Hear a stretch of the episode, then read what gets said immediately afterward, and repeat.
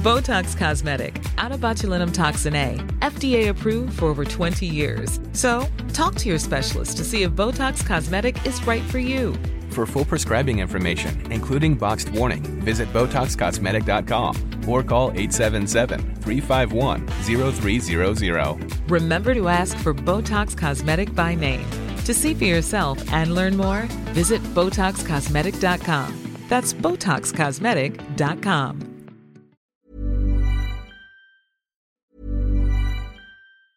A lot can happen in three years, like a chatbot may be your new best friend. But what won't change? Needing health insurance. United Healthcare Tri Term Medical Plans, underwritten by Golden Rule Insurance Company, offer flexible, budget friendly coverage that lasts nearly three years in some states. Learn more at uh1.com. Botox Cosmetic, out of botulinum toxin A, FDA approved for over 20 years. So, talk to your specialist to see if Botox Cosmetic is right for you. For full prescribing information, including boxed warning, visit BotoxCosmetic.com or call 877-351-0300. Remember to ask for Botox Cosmetic by name. To see for yourself and learn more, visit BotoxCosmetic.com. That's BotoxCosmetic.com. Halo pendengar GGMU Podcast, balik lagi bersama kita berdua dan menjelang pembukaan bursa transfer musim dingin kita akan selingi lagi bursa atau obrolan kita dengan transfer yang dikabarkan rumornya MU berencana untuk memboyong Johan Bakayoko bisa dibilang winger dari PSV 20 tahun asal dari Belgia Hmm. gimana Vin tanggapannya Vin? Ya Bakayoko ini sebenarnya kalau gua lihat ya dia tuh mainnya kayak siapa ya? Bisa dibilang kurang lebih ya so, kayak Anthony anjir. gitu. Jadi meskipun kalau gua lihat di YouTube itu ada tulisannya tuh kelebihan dia adalah pace, tapi gua nggak ngelihat dia itu terlalu cepat gitu. Enggak, dia menurutku mirip Anthony cuma bedanya, bedanya kaki keduanya, kedua kakinya itu dia bagus. Oh iya Oh, ah, ah. jadi kalau misalnya dia itu kan dominan kiri, dia mainnya di Iya. kanan. Nah, jadi dia nggak cuma masuk ke dalam kayak Anthony, tapi dia bisa em, apa namanya, kemudian bolanya dibuang keluar gitu loh, ke sisi jauh Hmm. ke kanan, terus nanti dia crossing kaki kanan gitu loh, gitu. Jadi kalau Hmm. Anthony kan kayak gitu masih jarang banget ya, paling satu dari lima match dia ngelakuin cuma sekali gitu kan dari lima Ya. match. Tapi kalau dia memang kayaknya sering untuk melakukan itu gitu sih. Jadi ini sebenarnya variasi sih untuk di sisi kanan di mana biar meskipun dia dominan kiri tapi ternyata kanannya juga hidup. Jadi nggak nggak apa ya makin unpredictable sih. Oke, dan gue juga udah nonton nih 8 menit cuplikan highlightnya dan so far ya untuk pemain 20 tahun dan bisa dibilang uh, rising star ya. Karena di musim ini dia udah mengemas 3 gol dan 8 assist gitu kan. Yang Hmm. mana assist inilah yang gue sejujurnya harapkan dari winger-winger MU untuk bisa memberikan terobosan atau bahkan semacam kayak umpan kepada Rasmus Winter Højlund gitu kan. Dan kalau mengingat eh, di sayap kanan kan direncanakan Bakayoko ini akan menggantikan posisinya Jadon Sancho yang mungkin ketika Bakayoko datang maka tukar guling dengan Donny Malen ya seperti yang udah kita rumorkan itu belum terjadi gitu kan atau tidak akan terjadi karena mungkin nggak akan numpuk semuanya gitu. Nah, lu ngelihatnya ini adalah perfect candidate untuk menggantikan Sancho atau justru lu ngerasa ini another archetype of Anthony yang mungkin agak mirip eh, secara versatilitas dengan Greenwood yang bisa dua kaki gitu, Vin. Nah ini, ini juga masalahnya kita juga harus tahu bahwa Mason Greenwood ini nasibnya bakal seperti apa karena di Getafe juga dia bagus banget main gitu. Kayak Iya, eh Greenwood sebenarnya memang lebih ke ini ya attacker yang sifatnya itu dia shooting ya. Jadi kalau kita mengharapkan Greenwood untuk banyak crossing crossing ke Hoyle mungkin mirip Sancho eh sorry mirip Rashford cuma bedanya dia dua kaki kan sama-sama bagus gitu. Jadi kayak another goal scorer tapi dari kanan. Nah ini juga sangat berpengaruh sih. Kalau misalnya, misalnya ternyata ada niat dari MU untuk mengembalikan Greenwood tapi sebagai penyerang nantinya gitu. Jadi nantinya bakal eh, bergantian sama Højlund, kemudian kita tetap beli sayap kanan. Nah itu bisa jadi kita tetap akhirnya membeli Bakayoko. Gitu. Jadi ini sebenarnya lebih ke kita plannya mau gimana nih gitu. Iya. Kita mau beli penyerang kah atau kita mau mengembalikan Mason Greenwood itu semuanya bakal berapa ya berkaitan semuanya gitu. Jadi ini semua menurut gua harus benar-benar lewat perencanaannya sangat-sangat matang gitu karena yang kita baca kan juga ini semuanya nanti bakal lewat Ineos ya untuk perencanaan transfer, pengambilan keputusannya juga gitu dan semoga nanti juga melewati director of football yang baru untuk uh, membeli pemain gitu. Jadi kalau pertanyaan lo kayak tadi, jawaban pribadi gue sebenarnya gue oke okay sebenarnya sama Bakayoko asal harganya juga masih di bawah 50 ya. Karena ya maksudnya pemain dari Belanda ini gue nggak yakin apakah bisa langsung tune in dengan di Liga Inggris gitu sih. Jadi Oke. masih Dan kalau ngomongin masalah harga, ini 50 gue baca, Vin, Mhm. itu dia di angka 35 juta pound sterling dan kontraknya itu hingga tahun 2026. Jadi sebenarnya masih agak lumayan, ya sedikit banyak panjang lah, masih dua tahun lagi gitu kan. Dan secara Kalau MU yang beli kan beda harganya. apa? Kalau MU yang beli bisa beda harganya. Ah, itu dia. Cuman gue berharap sih Ineos akan meng- mengembalikan inflasinya sampai level nol ya. Jadi kayak bener-bener we are acting like a business profesional gitu kan. Gak ada yang namanya eh, inflasi MU gitu.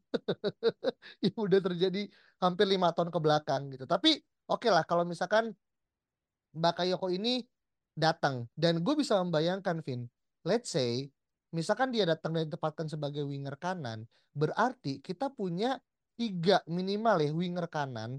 Atau empat deh sama Pelistri tapi Pelistri gue sorry to say gue agak sedikit singkirkan karena gue pernah bilang ya eh, mungkin banyak banget yang eh, mungkin gak setuju tapi gue bilang Pelistri levelnya bukan di MU gitu kan. Di mana gue ngerasa eh, ada tiga nih Amat Anthony dan Bakayoko. Dan usianya mereka itu di range 19, 20 dan juga 21 gitu. Nah, lo lihat ini persaingan yang eh, sehat atau justru ini malah ngebuat akhirnya pasti di antara mereka dua tiga tahun depan pasti akan ada tersisi karena mungkin akan dua aja nih satu posisi Vin untuk mengisi posisi sebagai sayap kanan Vin. Iya, gue bener yang lu pertama sih bakal ada yang cabut pasti entah itu Amat atau Anthony gitu. Atau memang kita nggak akan beli Bakayoko juga gitu. Kalau ternyata misalnya ternyata Amat Diallo bagus gitu ya misalnya gitu. Jadi em, kita belum tahu kar- karena kita belum ngeliat Amat Diallo main lagi kan. Kalau Iya. misalnya lihat Amat Diallo main dan bagus, mungkin kita berpikir dua kali. Ini gimana ya? Jual nggak ya gitu kan? Maksudnya beli Bakayoko nggak ya gitu? Atau mungkin nantinya Anthony yang dijual gitu kan? Atau dijual kita beli Bakayoko bisa aja ya kan? Gitu. Jadi menurut gua em, pasti akan ada yang cabut sih. Kalau misalnya Bakayoko misalnya datang, pasti ada yang cabut. Tadi lu kan ngasih pilihannya di tiga pilihan kan? Pasti ada yang cabut. Gak mungkin tiga pemain ini di usia yang kurang lebih masih ya range 5 tahun ya itu bersaing di posisi yang sama gitu. Dua pemain aja udah lumayan gitu persaingannya. Ini tiga men gitu. Jadi em, pasti ada yang cabut dan Anthony cabut itu sangat mungkin. Kalau misalnya dia nggak bisa step up dan dia kan bisa dibilang em, sangat limited ya. Cuma bisa satu kaki doang gitu dan ketebak banget. Meskipun dari sisi work rate pressingnya tuh bagus gitu. Tapi not enough lah untuk di MU Hmm, ini hal yang bisa dibilang semacam bakalan jadi prospek ya. Karena Anthony aja baru kita datang ini musim lalu kan, Vin. Di Hmm. angka 95 juta gitu kan. Dan ketika kita harus melepas dia dalam hitungan kurang dari lima tahun, ya maka kita bisa bilang bahwasanya apa yang sudah kita investasikan ya terbuang gitu. Dalam arti apalagi kalau misalkan dia nggak bisa untuk mengamankan posisi sebagai starting eleven gitu kan. Jadi ini adalah perjudian yang sangat besar buat MU apalagi kalau kita mendatangkan eh Johan Bakayoko gitu. Nah, Tapi bro, gini, nah An- Anthony, Anthony lu bilang gitu, Sancho kan sama aja, jadi kita beli iya 85, sih. iya kan? Jadi kayak dua pembelian sayap kanan kita ini bener-bener apa ya, investasi bodong banget gitu, lebih ke eh, memang lack of planning. Sancho begitu, kemudian Anthony kayak Anthony, gue nggak bilang jelek ya, tapi kayak mungkin dia datang di saat yang tidak tepat gitu, di mana transisi kita permainannya tuh masih terkaget-kaget gitu dengan gaya permainan Ten Hag, jadinya belum tahu arahnya mau ke mana gitu. Jadi ini benar-benar menunjukkan ya lack of planning. Di mana kita juga lihat ya di artikel eh, di di Atletik gitu menunjukkan bahwa pembelian Amat Diallo ini benar-benar super aneh gitu karena oleh approve Amat Diallo tapi nggak tahu kalau harganya 40 juta total ya gitu loh. Oleh nggak tahu gitu dan ini tuh pembelian Demurto yang men lu di saat yang sama lu bisa beli DM dengan kualitas yang lumayan gitu loh. Iya. Tapi lu memilih beli Amat Diallo yang yang waktu itu kita bilang kan project A project B kan. Iya. Iya kan? Kayak ngapain? Gua gua tuh sangat mengecam loh waktu itu Amat Diallo gitu karena dia bagus tapi kayak kita butuh urgensi di DM loh. Lu Iya. duit 40 juta kenapa nggak ke sana gitu. Jadi ini benar-benar kalau Amat Diallo juga dijual ya kayak ya emang Murto sih ini yang salah. Iya, tiga pemain berarti winger kita kalau Amat Diallo termasuk juga dalam list, berarti emang hampir bisa dibilang 250 kali Vin ya. Total ya. Mm-mm. Udah itu terbuang dalam porsi yang sia-sia. Karena eh, ya ini terlepas Sancho juga mungkin mengatakan MU ke juara Piala Carabao ya, tapi buat gue juga itu nggak terlalu cukup sih untuk bisa membuat MU kembali pada track dengan mahar yang bisa dibilang nggak murah gitu ya. Bahkan lebih dari satu triliun ya kalau kita mau rupiahkan ya eh, transfernya saganya Sancho gitu kan. Tapi oke lah, kita balik lagi nih ke Johan Bakayoko yang kalau misalkan teman-teman lihat sekilas tuh mirip kayak Anthony Elanga, Vin.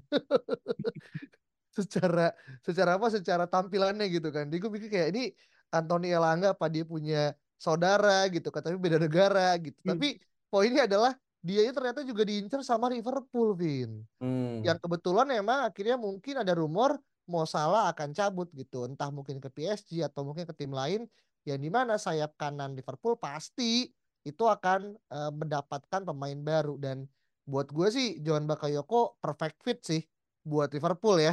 Apalagi kita tahu ya Liverpool tipikal apa namanya klub yang membeli pemain yang bisa dibilang usianya masih ya di bawah 25 dan datang dari klub-klub yang mungkin eh, apa ya bisa dibilang eh, supporting lah kayak PSV terus juga Benfica dan dia baru aja kan datengin Cody Gakpo gitu kan musim lalu. Jadi secara transfer wise Liverpool dan juga PSV ini punya kedekatan lah secara eh, histori gitu kan. Nah, lu ngelihat apa yang bisa MU dapetin dari persaingan dengan Liverpool untuk mendapatkan Johan Bakayoko gitu, Vin? Kalau persaingan ya mungkin bakal kalah lagi sih menurut gue gitu. Karena gua masih belum tahu nih Ineos pergerakannya seperti apa dan nego harganya seperti apa gitu dan kayak nggak mungkin lu ujuk-ujuk beli si Bakayoko padahal kita masih punya Anthony dan Amat Diallo dan Sancho juga nggak tahu nasibnya seperti apa gitu. Kalaupun kita beli pasti di summer kan dan itu harus nunggu Sancho cabut seenggak-enggaknya gitu. Dan sejauh ini kita nggak tahu apakah dia bakal dilepas permanen atau on loan kita belum tahu gitu. Jadi sebenarnya nyingkirin Sancho dulu aja gitu PR nomor satu PR kedua baru kita pikirkan siapa yang bakal dibeli gitu. Bukan bu- bukan baru mikir ya tapi barulah kita putuskan gitu. Tapi mikirnya mah dari sekarang tetap aja gitu. Jadi buat gua ini masih jalan sangat panjang dan kalau kita belum bisa melepas Sancho dan Liverpool gerak cepat ya pasti kalah lagi kita. Hmm. Ya ini ini ya worst case-nya kita sekali lagi melepaskan apa yang mungkin menjadi incaran ya. Walaupun kita tentu eh, berhitung gitu apakah rumor Bakayoko ini adalah benar atau mungkin adalah media blow up karena ya kita tahu lah setiap hari ada aja hal-hal baru yang kita dapatkan dari eh, jurnalis atau mungkin koresponden media-media entah itu yang lokal ataupun yang sifatnya European gitu. Ya akhirnya MU sekali lagi dikaitkan untuk entah menaikkan rating atau karena terbukti benar adanya gitu. Tapi kalau misalkan kita ngelihat gitu kan dengan adanya Bakayoko at least gue selalu percaya gini ketika kita ngebeli pemain yang masih muda kita punya investasi jangka panjang ya itu udah kejadian kan pada beberapa pemain gitu kan yang mungkin sekarang rata-rata squad selain daripada Bruno Fernandes mungkin mereka masih di bawah 25 gitu kan dan juga Rafael Varane nah lu ngelihat dengan akhirnya MU yang lebih banyak eh, menginvestasikan uangnya untuk Bakayoko juga di pemain-pemain muda itu adalah semacam kayak policy yang memang mau diterapin atau sebenarnya belum ada market lainnya di sayap kanan yang cocok dengan archetype yang dijalankan sama MU, Vin. Iya yang diincar seperti apa kan kita juga nggak tahu ya masalahnya gitu. Kayak apakah kita bakal mencari yang seperti eh, misalnya ya kayak Hakim Ziyech gitu. Hakim Ziyech ini kan pemain yang bisa dibilang sayap kanan tapi bukan pemain yang cepat banget gitu loh. Tapi dia pemain yang smart dan dia lebih kepada wide playmaker gitu. Dan yang mirip sama Ziyech itu adalah Michael Olise menurut gua. Olise-nya Ya. Palace.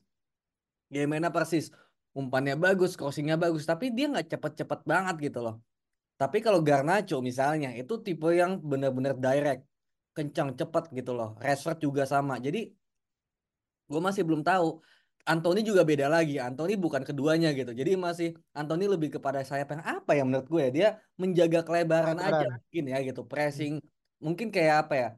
Defensive defensive winger kali ya gitu. Jadi bagusnya dalam pressing. baru lagi tuh kayak tuh.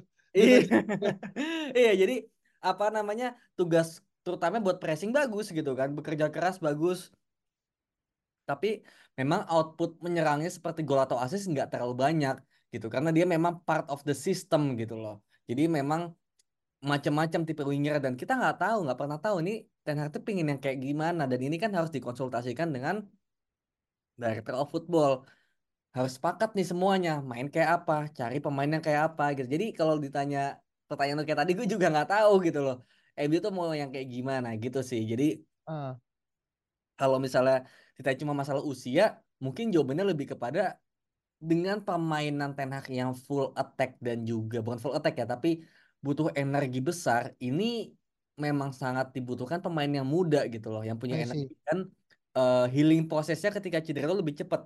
Iya. Dari pemain yang tua gitu aja sih jawabannya I see. Berarti emang lebih kepada eh, transisi bermain MU yang mungkin bisa dibilang eh, sekarang mulai menuju ke pace yang lebih naik ya secara energi dan juga secara transisi, maka pemain-pemain yang muda lebih apa ya, lebih mungkin bisa ngikutin ya walaupun yang Iya. senior pun juga kayak Bruno pun juga eh, tetap dalam posisi yang prima gitu walaupun yang usianya memang belum tua-tua banget gitu. Tapi kita ngeliat bagaimana Rafael Varane, Casemiro yang mungkin udah masuk musim keduanya bersama Ten Hag udah mulai akhirnya menemukan celah-celah yang akhirnya harus kita tambal gitu. Kan itulah kenapa akhirnya nama seperti Willy Kambuala, Daniel Gore ya, akhirnya kemarin ngelakuin debut kan Hmm. di senior gitu. Yang mana buat gue kaget juga tuh ada dua nama itu gitu kan yang akhirnya eh, masuk di antara eh, bench dan juga substitution gitu. Tapi oke lah untuk terkait dengan Bakayoko mungkin terakhir mengenai visibilitas dan kita selalu mengatakan ini biar apa? Biar para pendengar GGMI juga tahu kalau kita pun juga objektif ya dalam menilai suatu transfer terlepas mungkin ada bias subjektivitas nih kayak gue pengen atau Alvin nggak pengen gitu kan. Tapi gue selalu percaya apa yang lu apa yang lu lihat itu sesuai dengan eh, kebutuhan dan juga realitas di lapangan. Kira-kira berapa Vin untuk Bakayoko ke MU Vin? Bakayoko ke MU seperti yang gue bilang tadi ya ini tergantung Sancho gitu. Nggak mungkin di saat seperti ini apalagi amat lo misalnya bagus gitu. Kemudian lu beli Bakayoko lagi itu nggak mungkin. Jadi menurut gua selama kita belum bisa offload Sancho kita nggak akan beli sayap kanan gitu. Unless kita tiba-tiba langsung jual Anthony gitu yang mana itu nggak mungkin juga. Jadi menurut gua ini bukannya gua nggak suka sama pemainnya gue suka suka aja gitu. Dan di bawah Ten Hag gue yakin dan di bawah manajemen yang baru ini bakal bagus. Tapi gue merasa PR kita nih untuk sayap masih berat banget gitu. Karena ada pemain yang sulit buat dijual nggak cuma karena harganya tapi gajinya juga gitu loh. Itu yang bikin susah kan. Pemain eh, gue yakin ada yang mau beli kok kayak Juventus kayak mungkin tim dari eh, Spanyol juga ada yang mau atau mungkin Dortmund juga mau mau aja. Cuma masalah gaji ini kan berarti kan lu nggak cuma deal-dealan sama klubnya tapi deal-dealan sama pemainnya. Pemainnya mau nggak gaji dikurangi gitu aja. Kalau nggak mau ya dia bakal ngerjain MU ya udah lu nggak mau mainin gue ya udah gue juga nggak mau pindah gue mau Iya, dapat gaji iya. segini aja gue diem aja gitu loh itu kan ngerjain kan jadi kayak Ya. menghambat transfer kita itu bisa aja terjadi dan itu bisa bermusim-musim gitu kasusnya Ozil kan juga gitu kan Ozil di Arsenal kan apa ya eh, mau dilepas ke Turki tapi dia nggak mau cabut-cabut gitu loh Iya. Tuh, jadi menurut gua PR-nya gede dan ratingnya menurut gue ya satu sih satu dari Hmm. 10 karena bukan karena nggak suka tapi karena ada situasi lain yang kita harus offload dulu sih. Oke, ya lebih kepada ujungnya sih sampai kapan pun ya, selama rumor ini akan terus bergulir dan belum ada kepastian secara pergerakan ya semua kan tetap di bawah lima ya. Karena kita ngelihat Bener. Ziyech juga cuman satu juga kalau selalu dibilang gitu kan. Bakayoko juga satu gitu. Dan gue lupa apalagi yang pernah kita bahas ya rumor transfer gitu kan. Tapi nggak ada yang menyampai angka 9 atau 10 bahkan karena ya tentu permasalahannya lebih kompleks dari apa sekedar mau atau nggak mau gitu kan. Kalau semua mau mah semua pemain juga yang bagus kita mau gitu. Andre Silva gitu kan. Atau bahkan eh, siapa? João Neves ya pemainnya Benfica gitu. Yang akhirnya kita ngerasa emang perfect fit. Tapi ya uang dan juga masalah offload apalagi gaji ya.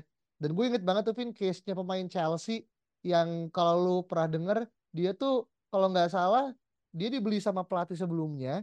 Gue lupa siapa. Terus pelatih baru yang datang itu nggak suka sama dia tapi dia nggak mau cabut.